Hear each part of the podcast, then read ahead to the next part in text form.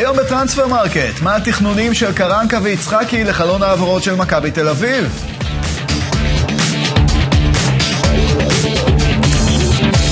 בצד השני של העיר, דראפיץ' ובוקסנבוים התפטרו, חיים סילבס בדרך לעמדת המאמן.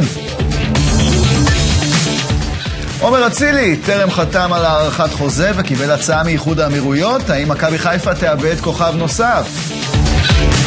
הסיכוי של ריאל מדריד לזכות שוב באליפות ובליגת האלופות, גם אם לא יגיע רכש? ואחרי ההצטרפות של רונלדו לאל נאסר, היריבה הגדולה מציעה חוזה מטורף ללאו מסי.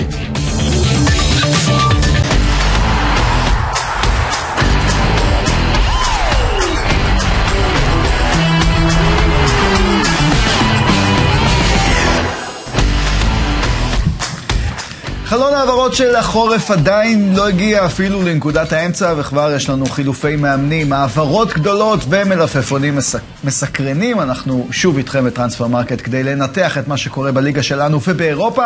איתנו אבי נימני, עמית לבנטל ורז אמיר לצידי, גל ברקן זה אני. שלום לכם חברים, אנחנו מתחילים עם המלפפוניאדה. אבי, אתה עם אה, אה, מלפפון שחשבנו שהסאגה שלו בכלל הסתיימה. האמת שכפיתם עליי את המלפפון הזה. אל תגלה את אה, הסודות. מאחורי הקלעים. אה, אני לא חושב שיש טעם להתעסק בעומר אצילי כרגע, כי אני לא חושב שהוא ישוחרר ממכבי חיפה, כפי שאף שחקן אחר לא ישוחרר לדעתי. אה, אני יודע את זה באופן ברור, ולכן, אתה יודע, להתעסק עכשיו מה יהיה איתו ומה יקרה איתו, ואם הוא ילך, מי המחליף הוא שלו. לא מאריך חוזה בינתיים. תראה, הוא לא מאריך חוזה מצד אחד, מצד שני, אם לא ייתנו לו ללכת לפחות עד סוף העונה. אז זה, זה לא רלוונטי. בחודשים ש, שנשארו עד סוף העונה, יש מספיק זמן לשבת ולדון, ולראות איך כן משפרים לו ואיך משדרגים לו את ההצעה, כדי שהוא יישאר, כפי שעשו את זה עם הרבה מאוד שחקנים, וגם איתו בעבר, דרך אגב. Mm-hmm. לכן אני, אני רואה את עומר אצילי כן ממשיך במכבי חיפה. אני רואה סיכוי יותר נמוך שהוא יעזוב את מכבי חיפה. אה, גם בסיום העונה. גם בסיום העונה. כי אני חושב שיש חיבור טוב בינו לבין המועדון, שזה דבר מאוד מאוד חשוב. בסופו של דבר יש חיבור טוב בינו לבין המועדון, בינו לבין הקהל. הכסף לא יוכל לעבוד פקטור, לא מבחינתו ומבחינת מכבי חיפה. בסוף צריך לעשות שיקולים. זה לא פשוט בשביל עומר אצילי היום לעבור למקום אחר. בדיוק, הוא כבר נכווה בחו"ל. בדיוק. הוא גם, בוא לא נשכח איפה מכבי חיפה. זה- לא- זה זה- לא אירופה, לא, זה מקום אבל שהוא אל יוכל תשכח להצליח איפה בו מכבי יותר. חיפה לקחה אותו. זה נכון ששחקנים חושבים על עצמם, אבל הוא היה במקום מאוד נמוך שמכבי חיפה החזירו אותו. ולא רק מבחינה ועזרו לו מקצועית, להשתקם גם. לא רק מבחינה מקצועית. חבר'ה, יש דברים שלא נעלמים. גם אם רוצים להעלים אותם, הם לא נעלמים, הם, על סדר היום תמיד. לכן, אני חושב שהוא נמצא במקום שמאוד מאוד טוב לו, וטוב, זה טוב לשני הצדדים, זה טוב למכבי חיפה וטוב לשחקן. אז אתה יודע, כשטוב, לחפש הרפתקאות שיכולות לגרום אחרי זה לרע, זה, זו טעות. כן, אז uh, כנראה שפשוט ינצל uh, ינסה למקסם את מה שאפשר למקסם במשא ומתן עם מכבי חיפה.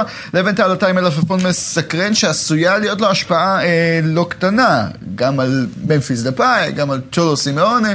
כן, ז'ואאו פליקס עובר לצ'לסי, זה יהיה רשמי, בוא נגיד בימינו כשפבריציו רומנו מפרסם, אז זה כבר רשמי, אתה יודע, זה החידוש של הדור הזה. אה, אבל תשמע, זו עסקה מעניינת. קודם כל, ז'ואאו פליקס לא סובל את דייגו סימאונה, זה כבר ידוע הרבה זמן, והיה ברור שבינואר הוא יעשה הכל בשביל לעזוב, רק שאתלטיקו משחקת אותה מאוד קשה במשאים ומתנים, אז תשים לב, צ'לסי... עסקה, בואו ננתח אותה משני הצדדים. מהצד של אתלטיקו, אז היא מחפשת להביא מישהו אחר במקום ז'ואאו פליקס. מדובר שהם רוצים את ממפיס דה פאי מברצלונה. אם אני ברצלונה, אני בחיים לא נותן לאתלטיקו. אני מסכים עם אתלטיקו, להפך. אה. אני חושב שאם אתלטיקו מביאה את ממפיס דה פאי במקום אה, ז'ואאו פליקס, היא עושה מהלך אדיר. אבל אני, אם אני ברסה, אני לא משחרר לה אותו אחרי שמה שהם עשו עם גריזמן, שהם חתכו לברסה את המחיר, כן, חצי אבל וחצי. ברסה כבר לא עושה שיקולים כאלה, אני אסביר לך למה. ברסה נמצאת במצב כלכלי מאוד בעייתי, נכון. היא חייבת להתפטר משחקנים. ברסה רוצה לשחרר את ממפיס, בגלל זה היא לא נותנת לו לשחק, כי ממפיס אומר, אני רוצה להשתחרר בחינם בסוף העונה. אז, אז בוא נראה, אתלטיקו תביא איזה מחליף, אה, אבל בוא נזכיר את ג'ואר פליקס, כי העסקה הזאת רלוונטית לגבי קודם כל צ'ולו סימאונה. העניין הוא, למה אתלטיקו מתעקשת שהוא יחזור, אה, ז'ואר פליקס צריך להגיד, זה השאלה שהוא חוזר בקיץ, כי זה בשביל סימאונה מאוד יכול להיות שאחרי 11 וחצי שנים הוא יעזוב את המועדון בסוף העונה. תשמע, גם שילמו עליו 120 מיליון אירו. נכון, סיימו 126 מיליון, אבל אל תשכח את הצד השני. צ'ולו סימאוני המאמן עם המשכורת הכי גבוהה בעולם, ברוטו כמעט 50 מיליון יורו. חוזה לעוד עד 2024, ככה שאפשר להיפטר ממנו בסוף, אתה יודע, לשלם שנה פיצויים. לגבי ז'ואאו פליקס, תשמע, עסקה מאוד תמוהה מבחינת צ'לסי. צ'לסי, מה חסר לצ'לסי? צ'לסי אין חלוץ. אתה יודע, לוקאקו היה, הלך, הביאו את אובמיאנג. הוא לא חלוץ הוא לא חלוץ. לא מלך חלוץ השערים, החלוץ בצ'לסי זה ארבעה גולים. ז'ואאו פליקס הוא בכלל מספר 10 במה שהוא רוצה לשחק, מתחת לחלוץ. מה עוד חסר לצ'לסי? קנטה וג'ורג'יניו עוזבים בקיץ, הם צריכים קשרים באמצע. הם צריכים מגן שיחליף את ריס ג'יימס הפצוע. דבר אחרון שהם צריכים לשחקן כזה, ועוד בעסקה כזאת, שאתה מוציא 17 מיליון יורו, 11 מיליון על השחקן, עוד 6 מיליון משכורת, לארבעה וחצי חודשים. צריך להגיד, הסיכויים של צ'לסי להגיע לליגת האלופות דרך הליגה הם אפסיים. יש להם יותר סיכוי להגיע לליגת האלופות דרך זכייה בליגת האלופות, כמה שזה יישמע הזוי מאשר דרך הליגה. קיצר, צ'לסי יש שם בעלים חדש שעדיין לא לומד, עדיין, אתה יודע, תוך כדי מבינים- תנועה. הם לא מבינים את העסק, נכון. הם בפאניקה והם עוד- רוצים נכון, להביא מכל הבא נכון. ליד. הם רוצים איזה ניצוץ שידליק את העונה, אבל צריך להגיד, כל הצוות שם החדש, שבונים, כל ה... ו- וזה בעצם עסקה מאוד תמוהה מבחינת צ'לסי, אני לא רואה אותה זה, למרות ששחקן עצמו, אני מת עליו, אני מאחל לעצמו שימצא קבוצה אחרת אם סימאוני יישאר באתלטיקו. כן, אה, טוב, אה, זה לגבי אה, ככה אה, העניין הזה. רז, אנחנו נדבר כאן בהרחבה על מכבי תל אביב, אבל עוד לפני כן אה, נדבר כאן עכשיו על עמדת המאמן בהפועל תל אביב. כן, אתמול דראפיץ' ובוקסמבוים מתפטרים מהפועל תל אביב, יגיע כפי שהדברים נראים חיים סילבס עד לסיום העונה. בעיקר כי הוא כנראה המאמן היחיד שמסכים להגיע לחצי עונה וזהו. אה, וגם בלי איזושהי הבטחה לרכש, שזה אולי הכי גרוע.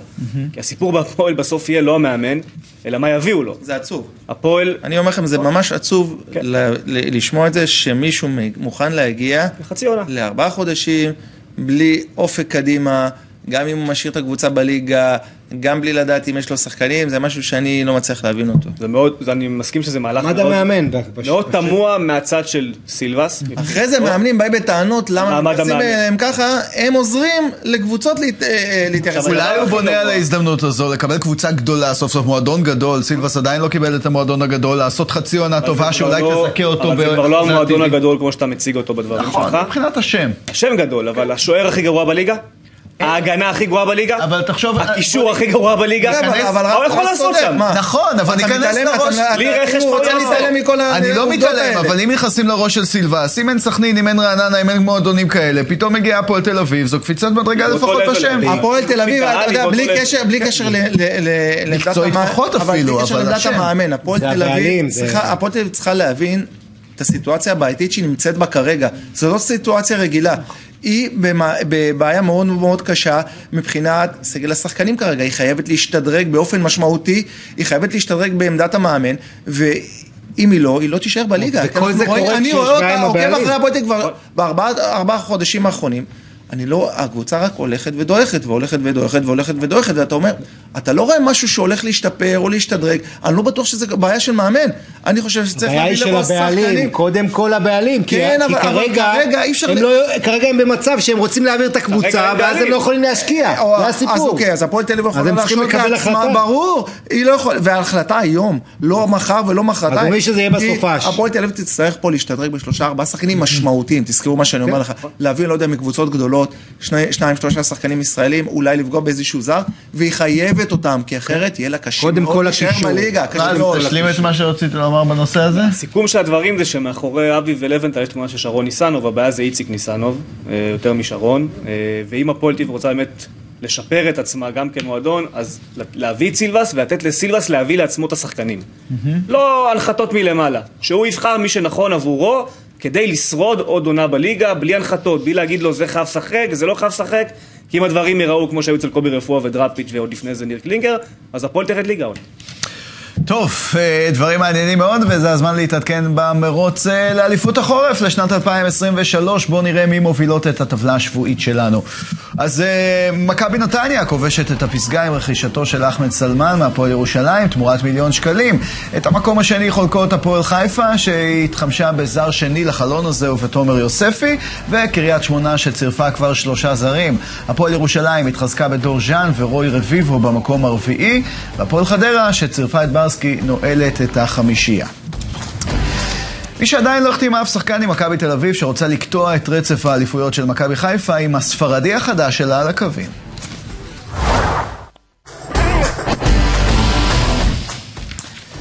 אחלה שיר ואחלה אה, מעברון אה, לקראת הדיון שלנו על מכבי תל אביב. אה, אבי, לפני שנדבר על התכנונים של מכבי לחלון הזה, בוא נדבר על מה שנעשה אה, בקיץ ועל העונה באופן כללי. ככה, אה, נגענו בזה בתוכניות האחרונות, עם הפרידה מאיביץ' וכל ההתנהלות של מכבי, אבל כשלוקחים את הדברים ומנסים לסכם עד עכשיו את העונה של מכבי תל אביב, איך אתה רואה את הדברים?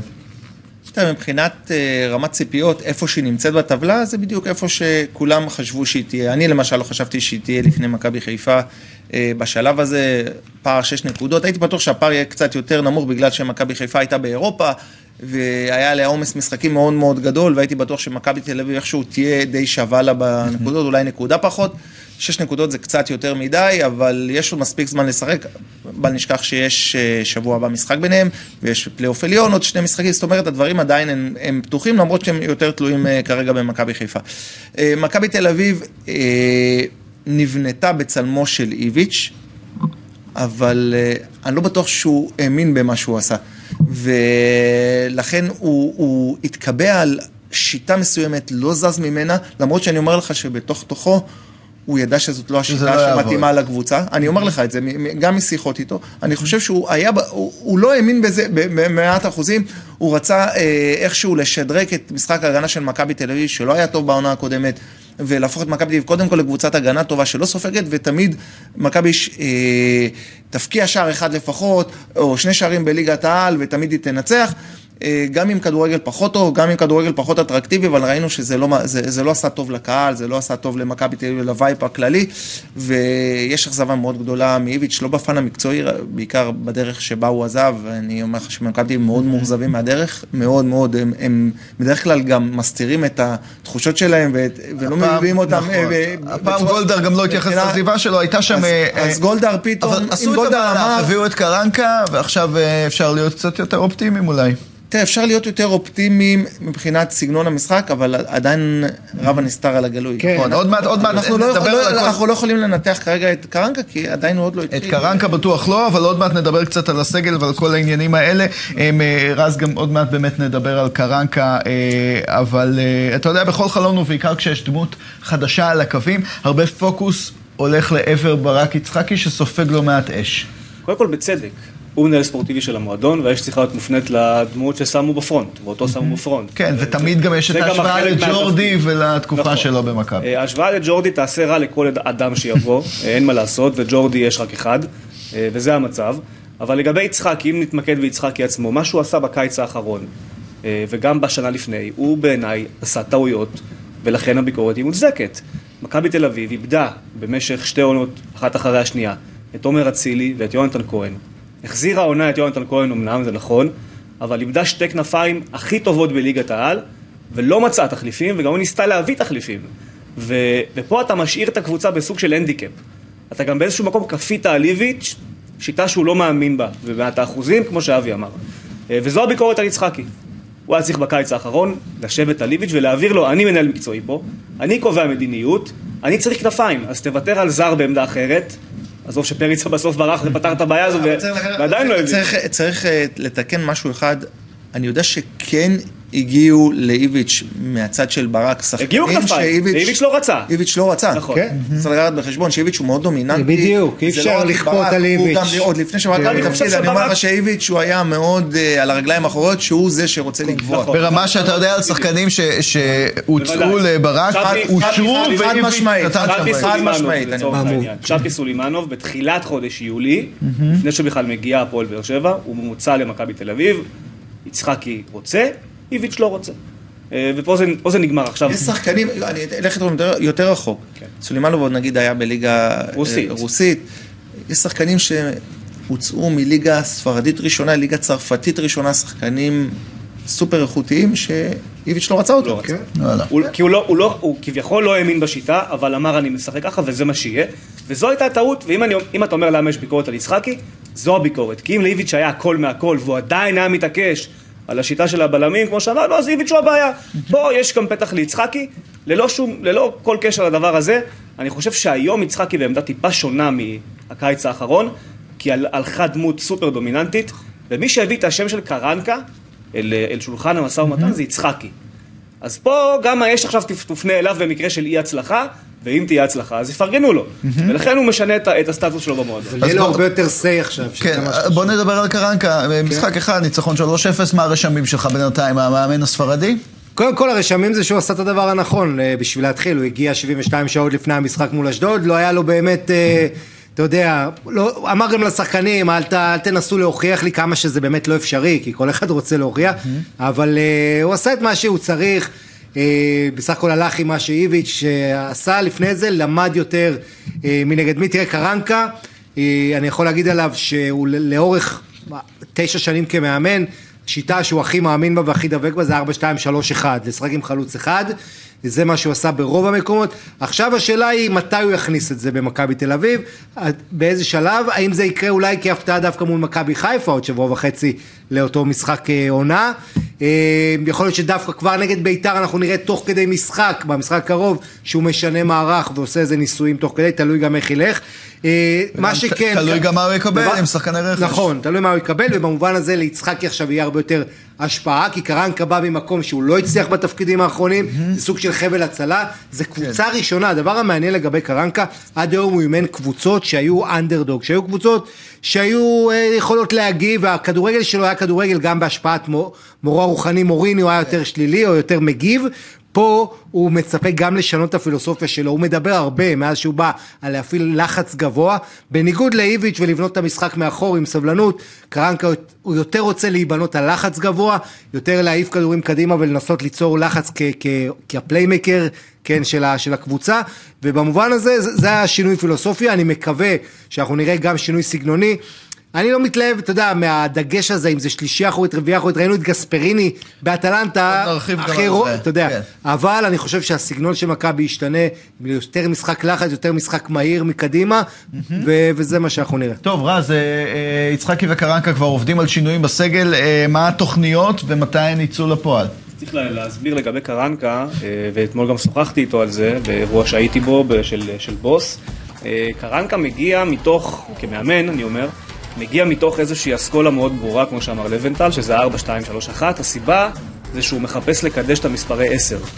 אז פה יש לו את אוסקר ופרפה, שזה שני מספרי 10 הכי טובים בליגה יחד עם שרי. זה מסכים, יש קונצנזוס סביב לפי הדבר הזה. כן. אז יש לו את שניהם, אה, ולכן כמו שאמר לבנטל, לשם זה ילך, גם השיטה, אפילו בתוך ה-5-3-2, הוא יכול לעשות מספר 10. וכל מה שייבנה סביב זה, העובר ושב הזה, יהיה סביב הלחזק את מה שליד המספרי 10.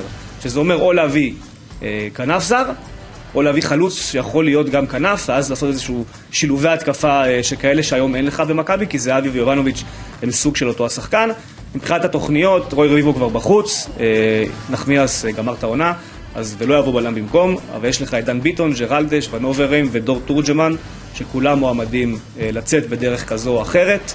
אה, וכפי שאמרנו, המועמדים זה, זה כנף, שם זה ילך להתמקד, כנף זר סלש חלוץ זר, זה היינו הך, זה יהיה אותו השחקן. אה, מגן ימני, לא בטוח. אוקיי, אז בואו נדבר באמת על המגן הימני, אבי, אה, ובכלל נתחיל בניתוח קצת של הקבוצה אה, מהחלק האחורי. ההגנה שלהם בפער הכי טובה בליגה, אז עד כמה קריטי באמת להתחזק בעמדת המגן הימני? תל- מכבי תל אביב, הם מתעסקים במגן הימני, אני חושב שיש עכשיו בעיה בעמדת המגן השמאלי, כי דוד זאדה פצוע. וכנראה סבורית תצטרך להיות מוסעת לעמדת המגן השמאלי, ואז מכבי תל אביב, יכול להיות שהיא כן תצטרך להביא מגן ימני. או שזה מכריח אותו לעבור לקו של ארבעה. בדיוק. אה, לשם לדעתי הם מכוונים.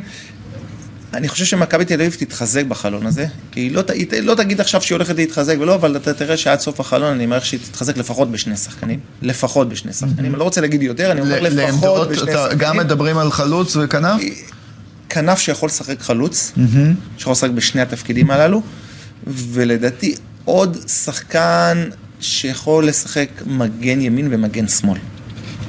תזכור, שיכול לשחק גם בצד ימין וגם בצד שמאל. נאצ'ו כזה. אה, אני, אני מעריך שאלה התפקידים שמכבי תל אביב תתביית עליהם קודם כל, ואם היא תצליח להביא את התפקידים האלה, היא תתחזק בעוד עמדה. טוב, נשמע מבטיח. לבנטל, התחלת לגעת בזה כן. מקודם, אנחנו נוגעים בזה כמעט לכל אורך הדיון, דיברנו על זה הרבה בתקופה של איביץ', כל העניין הזה, שלושה בלמים, ארבעה מאחור. כמה זה באמת משמעותי בסופו של דבר? עוד פעם, אז אני טוען שהמספרים עצמם הם פחות חשובים, ראינו גם ב, עם שלושה בלמים שאתה יכול לשחק סופר התקפי, ראינו את אה, גספריני מעמיד את ההתקפה, אחת ההתקפות הכי טובות באירופה, אבל אתה יודע, זה עניין שפחות חשוב המספרים, יותר הסגנון והעמידה על המגרש.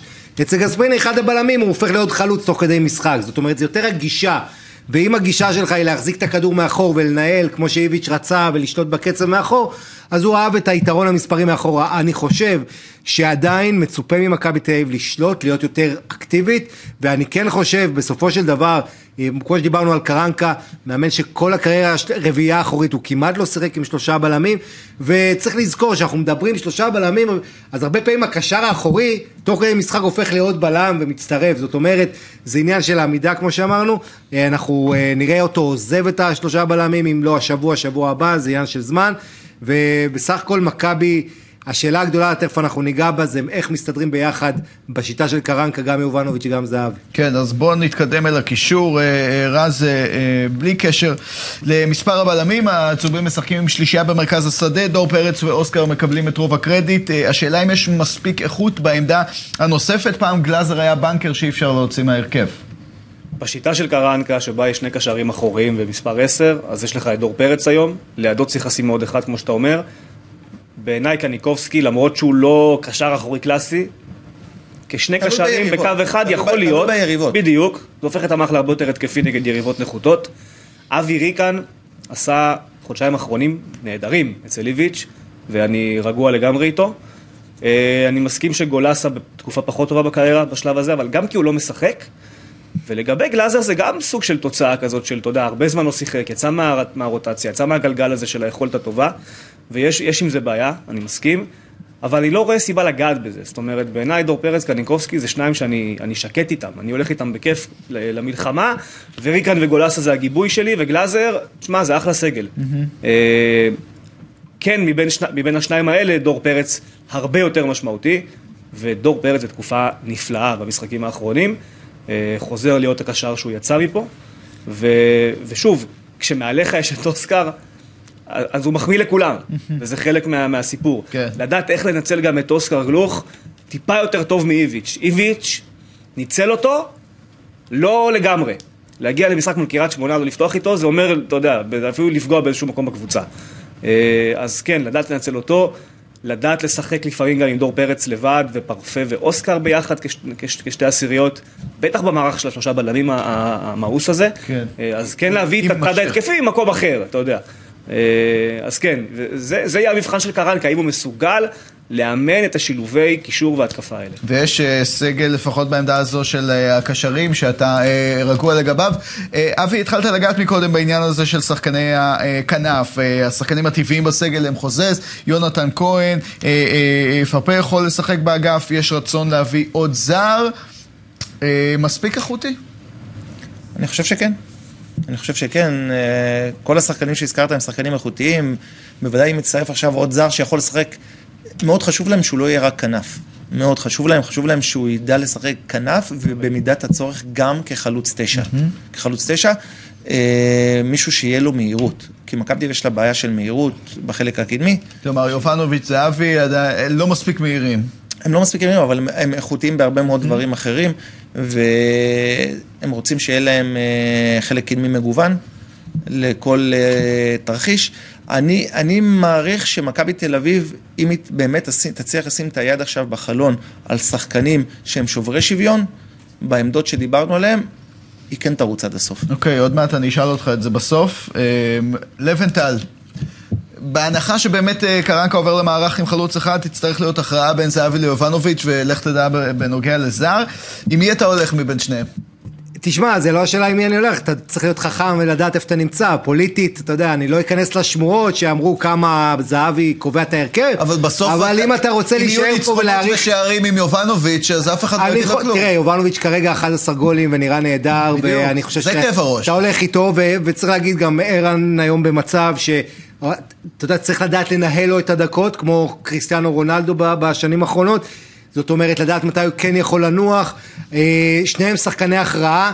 אפשר, צריך לדעת להסתדר, אני חושב שפוליטית אתה חייב לדאוג שערן יהיה מרוצה, אבל אין מה, יובנוביץ' מבחינת פוטנציאל, אתה, אני הולך לגבי- איתו. לגבי ערן. ושוב, המטרה, אנחנו מדברים על שניהם, אבל הכי חשוב, אוסקר. לדעת להפוך את אוסקר לשחקן הגדול, החשוב, וזה אני אומר, כשעוד חצי שנה מאוד יכול להיות שהוא יימכר. אני חייב להגיד משהו לגבי כן. ערן. קודם כל, מספרית, למכבי יש 41 שערים עונה, מחציתם של זהבי ויובנוביץ' ביחד. אז לפרק את הצמד הזה, זה לא חכם בשלב הזה של העונה, כי כן, הם אבל אם טובים. משחקים במערך של חלוץ יפה. אחד. אז קודם כל, אפשר לשים את יובנוביץ' בעמדה שהיא לא החלוץ. וכבר קרסטייץ' עשה את זה בעונה שעברה. נגד כן. PSV. לא נגד אה, נתניה ונס ציונה. וגם נגד מכבי חיפה, נכון? והוא ניצח באותו משחק, כשהוא היה בצד שמאל. אז זה לא מופרך לנסות את השילוב הזה, כמו שאמר לבטל, זה מספרים, אבל לעשות את תבניות. אז אפשר לשחק את המשחק הזה. דבר שני לגבי ערן זהבי, אני חושב שהדבר הנכון לערן זהבי, לא רק לעונה הזו, אלא אני מסתכל גם בראייה קדימה לעונה אחר כך, כי יש לו חוזה, אופציה לחוזה לעוד עונה.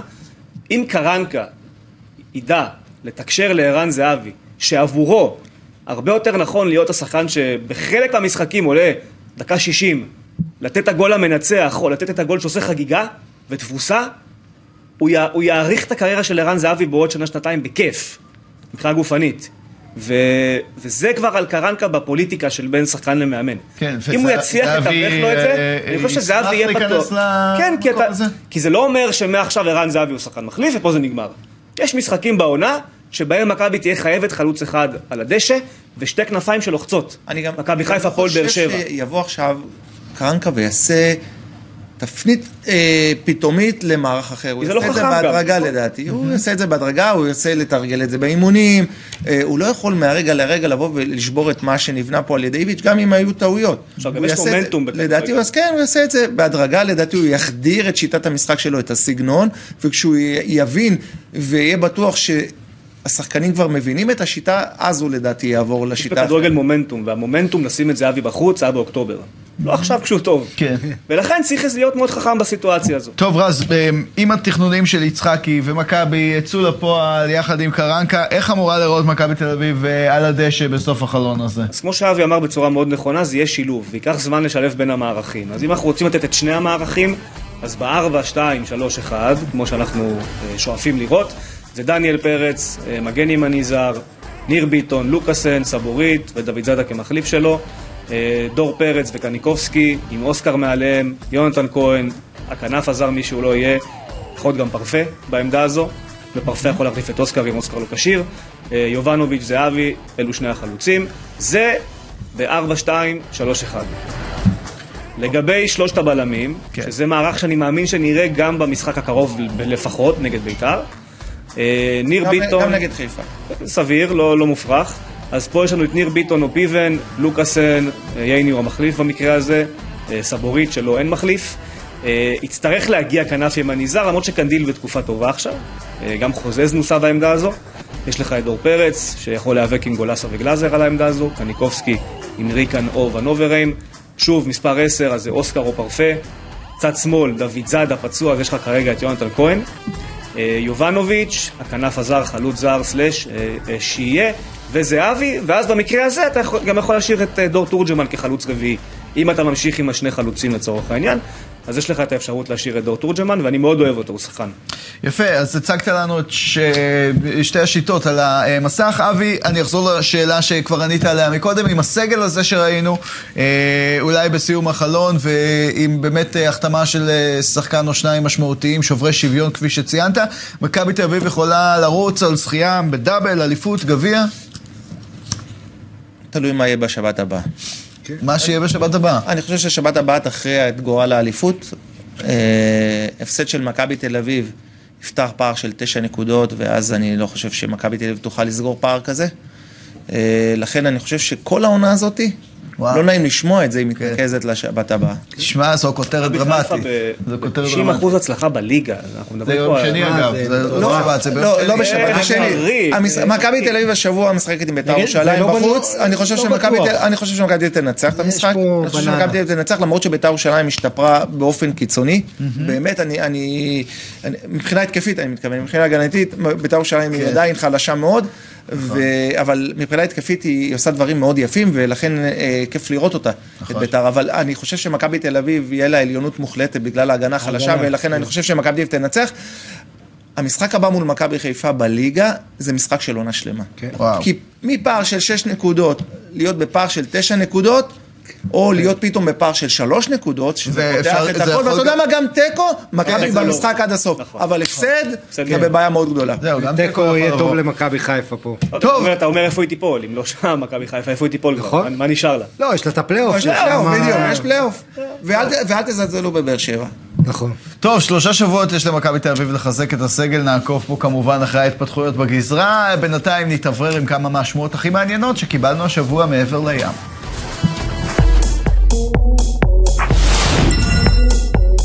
בברצלונה היו רוצים לצרף בקיץ את יוסופו מוקוקו מבורוסיה דורטמונד, אשר מסיים חוזה בסיום העונה, אלא שייתכן שהגרמנים יעדיפו למכור אותו כבר עכשיו, כדי לא לאבד אותו בחינם. באנגליה מדווחים שניוקאסל הציע לא פחות מ-30 מיליון אירו עבור החלוץ, שעשוי לקבל כ-9 מיליון אירו לעונה. אם לא מוקוקו, שחקן נוסף שמסיים בקיץ חוזה ומעניין את הקטלונים הוא חלוץ מנשן גלדבך מרקוס טורם. אלא שגם כאן ישנה נכונות מצד המועדון הגרמני למכור כבר בחורף, וצ'לסי היא זו שמובילה נכון לעכשיו את המרוץ אחריו. ניקולו זניולו שם את הפציעה מאחוריו והחל לנהל שיחות להארכת חוזה ברומא, אבל גם חזר להיות מלפפון מעניין בשוק ההעברות. אתלטיקו מדריד, בורוסיה דורטמונד ויובנטוס הוזכרו כמועמדות לקלוט את הקשר. אחרי שהיה נדמה שאנסו פרננדס במרחק נגיעה מצ'לסי, נראה שהעסקה עדיין לא קרובה להסתיים.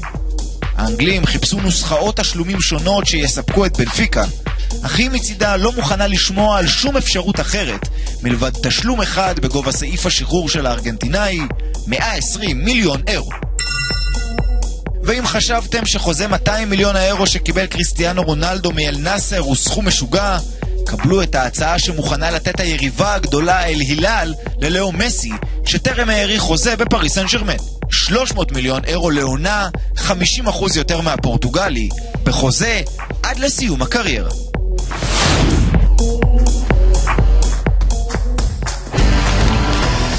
טוב, אחרי שראינו מה אה, המצב בטבלת האליפות אה, המקומית, אליפות החורף כמובן, בליגת העל, זה הזמן להתעדכן במה שקורה בצמרת אליפות החורף האירופית, שם הכסף כבר אה, זורם. צ'לסי, למרות שלא צירפה את אנסו פרננדס, עולה לפסגה אחרי ההחתמות של פופנה, סנטוס אה, ובדיאשיל ביותר מ-62 מיליון אירו. ליברפול שנייה עם הצירוף של גאקפו, סאוטהמפטון החתימה שני שחקנים בכ-20 מיליון אירו. אה, לידס צירפה את וובר ב-12 מיליון אירו בדרך למקום הרביעי, ואת החמישייה שלנו סוגרת אייאקס, שהחתימה את השוער של ויה ריאל, רולי, תמורת 8 מיליון אירו. זה הזמן להעלות על אה, שולחן הניתוחים את אלופת ספרד ואלופת אירופה, ריאל מדריד, שחולמת לשחזר את ההישג מהעונה שעברה. אה, טוב, רז, בתעודת האמצע של הבלנקוס, נקרא לזה ככה, איזה ציון אתה נותן להם על הרכש מהקיץ והעונה עד עכשיו? צ'ואמני זה בול פגיעה, רודיגר מיותר, ולא הביאו מחליף לבנזמה, אז קשה לתת ציון גבוה במקרה הזה. נגיד שחמש וחצי, על הרכש. חצי מעשר? זה לא... על הרכש, אוקיי. חמש וחצי. לגבי העונה וכמות הנקודות... זה- זה כישלון גדול. כישלון, בטח, הייתי לא חוזר עם להביא- 55 במבחן לאמא, לא לא היה... לא להביא מחליף לבנזמה, לא להביא כנף ימין, לא להביא מגן ימני. זה הנקודות הכי חלשות בסגל. עם כל הכבוד לרודיגר שהוא אחלה בלם והכל טוב, אבל הוא בא לך על עמדה שכבר היא טובה. אה, שזה טיפה מזכיר את מכבי של הקיץ, שיש לך את זהבי, יובנוביץ' ופריצה. מה אתה עושה עם שלושתם, אתה מבין? זה, זה חלק מהסיפור. אה, אז ברכש, זה, זה, זו דעתי. זה שאין להם מחליף לקרים בן זמה, ואם מחר הוא נפצע, הלכה לך העונה, זה כישלון, לשם זה הולך. זה יכול לקרות כמובן. אה, לגבי העונה עצמה, הפער מברסה כרגע הוא שלוש נקודות. לא דרמטי, בכלל. יש משחק ביניהן, כן. כל עוד יכול להתהפך, אבל התחושה היא שהמומנטום עבר צד. שברסה לא נראית טוב, ולוקחת את הנקודות, וריאל מדריד לא נראית טוב ומפסידה. כן, אז בוא ובסוף נ... הדברים כאלה זה, זה יכול ל- ל- ליפול. נכון, אז בואו נדבר רגע קצת על החוליות עצמן. לבנטל, נתחיל בהגנה, לריאל יש את אחד השוערים הטובים בעולם. רז דיבר עכשיו על הבלמים, שיש שם באמת אה, שחקנים אדירים. עדיין סופגת בממוצע שער למשחק. כן, ריאל מדריד, אה, קודם כל ראינו גם את קורטואה קצת לא במיטבו לפני פגרת הנבחרות, אבל אה, כמובן קורטואה הוא עדיין נכס ענק ושוער אולי הכי טוב בעולם. הבעיה המרכזית של ריאל מדריד בהגנה זה המגנים. אתה זוכר שהיה לה את תאו הרננדז ואשרף חכימי, שזידן אה, ככה הקיא אותם אתה אומר, מהמועדון? משם מגיעה... יש לך מגן אחד מנדי שהוא לא טוב התקפית, מגן אחד קרבחל שהוא חור בהגנה כשהוא מתמודד עם סילונים אה, כמו, אתה יודע, השחקנים אתה מהטופ. פשוט עונה על השאלה של אבי, זו לא, הבעיה. אז אז אני מצטער, אני לא לא ראיתי, אבל אני אומר, לא, כי אמרת חוליה, עכשיו אני מדבר על הגנה. לא, אני מדבר על השוער בלמים, בוא נדבר על מרכז זה הגנה. דווקא, דווקא מרכז הגנה זה יחסית הפתעה לטובה, אני אזכיר לכם, כשראמוס ווראן עזבו, חשבו מה יהיה, מה יהיה, להביא את אלאבה, מיליטאו, רודיגר, זה שלושה בלמים טובים מאוד. אני- אני- אני חושב שזה שלישייה. הוא אומר שזה אני המגנים. מסכים, הם סופגים כל משחק, אבל זה שלישיית בלמים. מצוינים. אז בוא נדבר אבי באמת על המגנים. כשקזמיר עוזב אותך באמצע, אתה יותר נחשף, מה לעשות? קרבחל, אי אפשר כן. להתעלם ממה שהוא אמר עכשיו, הוא אמר על קזמירו. כן, ברגע ש- הגנה זה משהו שמתחיל בחלק כן, הגבוה אבל- אבל יותר. צריך לקחת בחשבון שקזמירו. המשמעות שלו זה הניסיון. הוא יודע איפה לעמוד, הוא יודע איך לסגור אותם, הוא כבר הכיר את השחקנים באופן אוטומטי. צ'ואמני לדעתי הוא שחקן מצוין, אבל מה שהוא נותן עכשיו, חסר לו הניסיון, חסרה לו הבגרות, קריאת המשחק, מה שהיה ל- אה, ל- לקזמירו. וקזמירו גם הפך, הפך את כל השחקנים שמסביבו ליותר טובים. אל תשכחו את זה, שזה דבר מאוד מאוד חשוב. היה לו גם את האלמנט של משחק הראש שהוא סופר משמעותי, גם במשחק ההגנה וגם במשחק ההתקפה. אני בטוח שצ'ואמני, הוא בא לידי ביטוי והוא יבוא לידי ביטוי עם הזמן עוד יותר ועוד יותר טוב.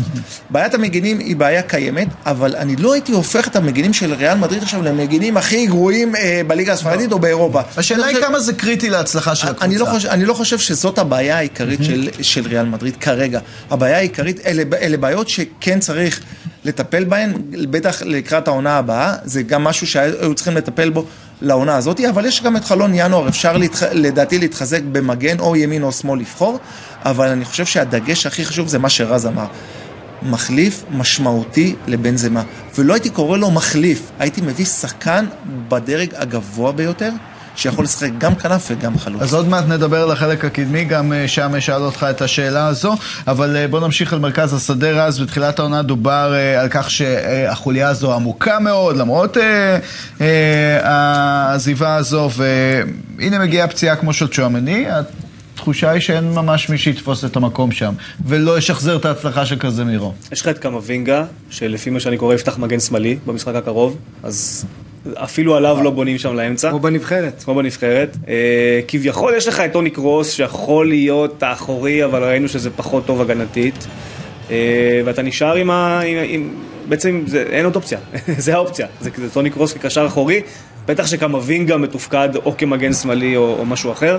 אני, אני, אה, אני דווקא בקישור חושב שהשלישייה האולטימטיבית צריכה להיות שואמני, ולוורדה, מודריץ'. זאת השלישייה שצריכה לעלות בהרכב. זו אבל שלישייה בלי טוני קרוס. מאוזנת, כן. אני אומר לך, מאוזנת, מאוזנת, דינמית, פיזית, כן, אבל עכשיו אגרסיבית. יש לך צ'ואמני שלושה שבועות בחוץ. אוקיי, אז לא לכן יהיה טוני צ'ואמני, קרוס. טוני קרוס, ואם לא טוני קרוס, אתה יכול לשים את קמבינגה, תלוי מול כן. איזה יריבה, אם אתה צריך. רגליים קצת יותר קלות, אבל צריך להבין אנצ'לוטי שאם זה הפתרון, כמו, שקורה עם טוני קרוס עכשיו, אז הגישה של הקבוצה צריכה להיות טיפה שונה, ולהיות מותאמת לזה שטוני קרוס הוא לא מי שירדוף עכשיו אחר, אחרי חלוץ מהיר. לא, זה לא השחקן. אז צריך טיפה לשנות גם את ה... איך, איך הם עומדים על המגרש. אגב, זה- קרוס אמר פעם שהוא שונא לשחק את הקשר האחורי, העמדה של קזמירו, והיום חוץ מצ'ואמני אין לך אף אחד שיכול באמת לשחק בטבעיות בעמדה הזו, לא צ'ואמני, לא. מודריץ', אה, אה, כן, אבל קמבינגה הוא 50-50, הוא לא, הוא לא הטבעי אצלו, זה לא הקשר האחורי, במובן הזה אין מחליף לצ'ואמני, אנחנו מדברים הרבה על בנזמה, גם לצ'ואמני אין תחליף בעמדה. טוב, בוא נדבר על אה, אה, שחקני הכנף לבנטל. בוא נראה על ויניסיוס, ולוורדה, רודריגו, שמות גדולים, אבל הכושר הנוכחי קצת פחות מרשים. כן, ו- ואל תשכח שבהינתן המצב הנוכחי, כרגע רודריגו זה המחליף של בנזמה כחלוץ, זאת אומרת, כרגע הוא החלוץ השני. כן. אה, ו... וזה נכון? שאתה אומר את המשפט הזה, זה מראה לך עד כמה ריאל מדריד טועה פעם אחר פעם. שנה אחרי שנה, בזה שהיא לא מביאה שחקן רם דרג לחלק הקדמי. כי רודריגו, תראה, רודריגו, הוא כל פעם אומרים, כן, זה הולך לקרות, זה הולך לקרות, אבל זה לא קורה.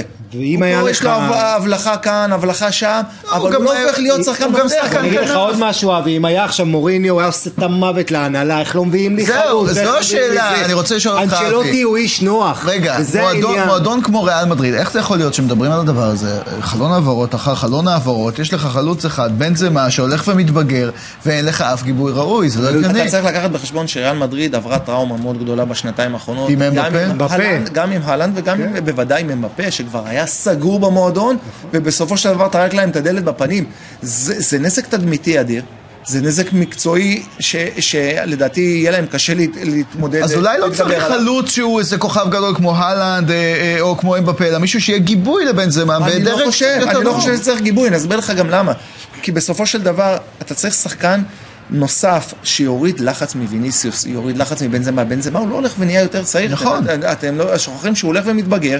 זה שהוא שומר על רמה אה, גבוהה זה בסדר, אבל גם אבל אתם רואים שהוא. יותר חשוף לפציעות, הוא נפצע הרבה יותר. אז אבי, מה אתה אומר, שריאל צריכה ללכת על חלוץ שהוא יהיה הדבר הבא, לחכות לאיזה משהו כמו הלנד וכמו אמבפה? היא חייבת. אבל איזה שמות יש על הבא? הלנד אבל- ואמבפה לא רלוונטיים זה. מאוד תלוי איך העונה הזאת תסתיים. אני אתן לך דוגמה, אם פריז סן ג'רמן זוכה בליגה... הרי אמבפה למה הוא נשאר בפריז? כי לי- נכון, כולם מדברים על כסף וכוח וזה, אבל אמבפה זה השחקן היחיד מכל ה-40 שחקנים בטופ העולמי שמשחק בעיר שבה הוא נולד. יש לו גם את הגאווה המקומית. אם הוא לוקח העונה הזו עם פריז את ליגת האלופות, מאוד יכול להיות שזה יסלול את המעבר שלו כבר בקיץ הזה לריאל מדריד, מה שאמור לקרות שנה אחרי.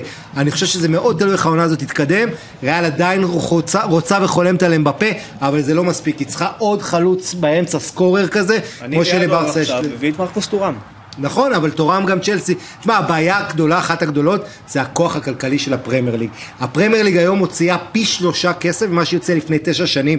הכ- הכוח הכלכלי של הקבוצות שם, זה אתגר גדול, זה גורם כן, לספרדיות גם אבל- אבל להרים. צריך לקחת בחשבון שברצלונה, ריאל מדריד, מקבלות כספים מזכויות השידור הרבה יותר משאר הקבוצות, נכון. והן די דומות למה שהן מקבלות הגדולות בפרמייר. כן, אבל אתה אומר שריאל ספגה מכה תדמיתית גם מהסירובים של אדירה, הלנד ואני ואמבפה. אני חושב שריאל מדריד צריכה, בגלל שרודריגו לא, לא עושה את קפיצת המדרגה, אז אי אפשר שכל העומס כל הזמן נופל על ויניסיוס ועל בנזמה, היא חייבת צלע שלישית, דווקא בכנף. אולי רפאל. לאהו ממילן כזה. כן, בדיוק, הבעיה היא. שהוא משחק כמו ויניסוס, אבל אולי להעביר אותו. לא יודע. בדיוק, אני הייתי מביא שחקן שהוא רם דרג בכנף.